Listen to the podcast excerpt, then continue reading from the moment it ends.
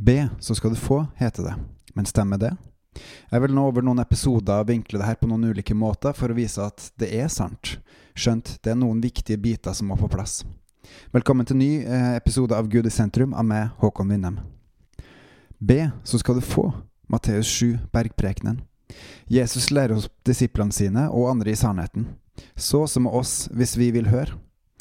Hører du Gud snakke til deg? Hvordan kan du høre hvis du ikke lytter? Og når du ber, hvem ber du til? Vet du at Gud hører alle dine bønner, så sant du følger Han?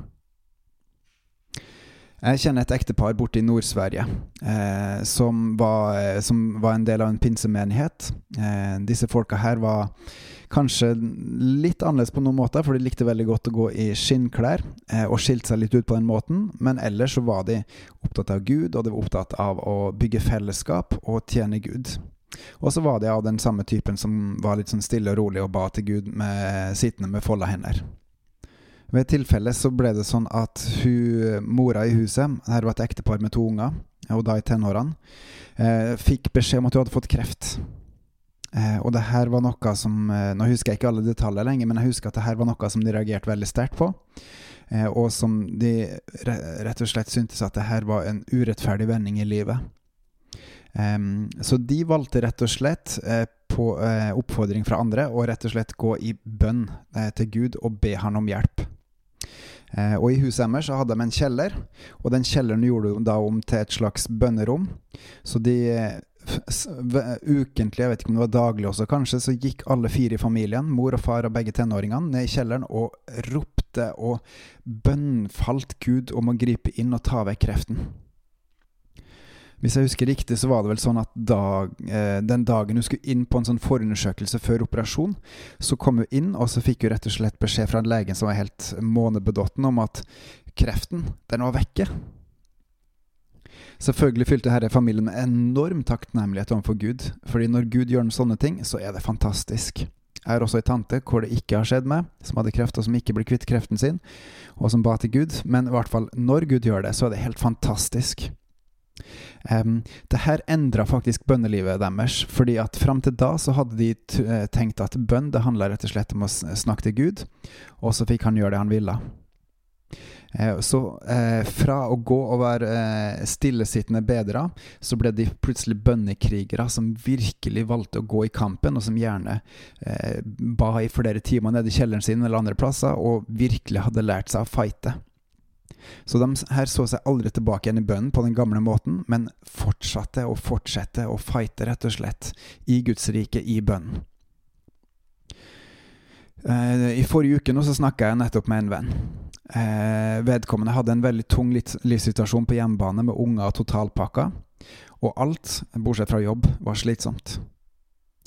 Er det ikke sånn at eh, når man sitter fast i et spor, så er alt slitsomt et ork, et tiltak? Og man finner ingen vei ut. Jeg er sannheten, veien og livet, sier Jesus. Jesus is the answer for the world today. Above him there's no other. Jesus is the way, synger Andrea Crouch. Det har begynt å gå opp for meg hvor sant det er, på mange ulike plan. Så for for eksempel den som sitter fast i sitt eget hverdagsliv, be, så skal du få. Det sier Jesus til oss også. Om du føler deg svak og forlatt, kanskje fortapt, Be, så skal du få. Kanskje føler du deg ikke god nok. Be, så skal du få. Kanskje har du alt du trenger. Be, så skal du få. Kanskje er du ensom og alene. Be, så skal du få. Få hva da? Når da dere som er onde vet å gi deres barn gode gaver, hvor meget mer skal da deres far i himmelen gi dere gode gaver, gi gode gaver til dem som ber Han? Matteus 7,11. Gud elsker sine, og han vil de vel. Han vil oss vel. De svake trengs å bygges opp, og ofte trenger de å overbevises om at Gud hører dem. Hva trenger du? Hva trenger du virkelig? Hva er det du egentlig ønsker? Si det til han. Åpne opp hjertet ditt for han. Fortell han hva du virkelig ønsker, og vit at han hører, og at han vil svare deg. Svarene kommer. Kanskje ikke på din måte, men de kommer fordi han elsker deg og vil gi deg, dine, gi deg sine gode gaver. Fordi han er din far og elsker deg. Kom til han med det du har, og be om hjelp, og du skal få hjelp. Er hverdagen din full, har du ikke tid til å sette deg ned. Døgnet har 24 timer, og du bestemmer hva du vil bruke de timene på. Man har alltid tid til det viktigste. Hva er viktigst for deg? Hvis Gud er viktig for deg, hvorfor bruker du ikke tid med Han? Flott hvis du gjør det, men mange kristne tilhører Gud uten å være med Han. Hvorfor? Det er ikke det viktigste spørsmålet. Spørsmålet er heller om du ønsker å være med Han. Hvis ja, så er det fordi Gud kaller på det. Kom, sier han. Til meg. Kom. Hører du han kalle? Be han om hjelp, og han vil hjelpe deg, fordi du ber, og den som ber, skal få. Uansett hvor det er i livet, be, så skal du få. Gud hører deg, ja, lengte etter å være med deg. Kom til han. Når du ber, så vil han svare deg. Husk at Gud er i sentrum, ja, at vi må gå til Han, både for å høre og bli hørt. Lukk deg inn på ditt rom og vær med Han. Rop ut din glede, din sorg, ditt hjertesukk, og Han er der. For hver den som tror, tar Han til seg og tar bolig i.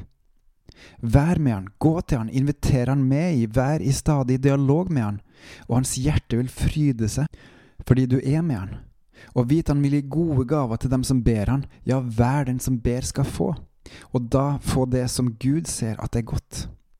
Legg ditt hjerte på Gud, og kjenn at han er nær. Ja, han elsker deg i tykt og tynt. Og med Han, og med Hans kraft og ånd, kan vi vokse opp til å bli fullmodne barn, voksne av Han, som Hans arvinger, som Hans sønner og døtre, fordi Han elsker oss og vil oss det beste, etter Hans standard og sannhet, i Hans nåde og kjærlighet. Så be, så skal du få. På gjenhør.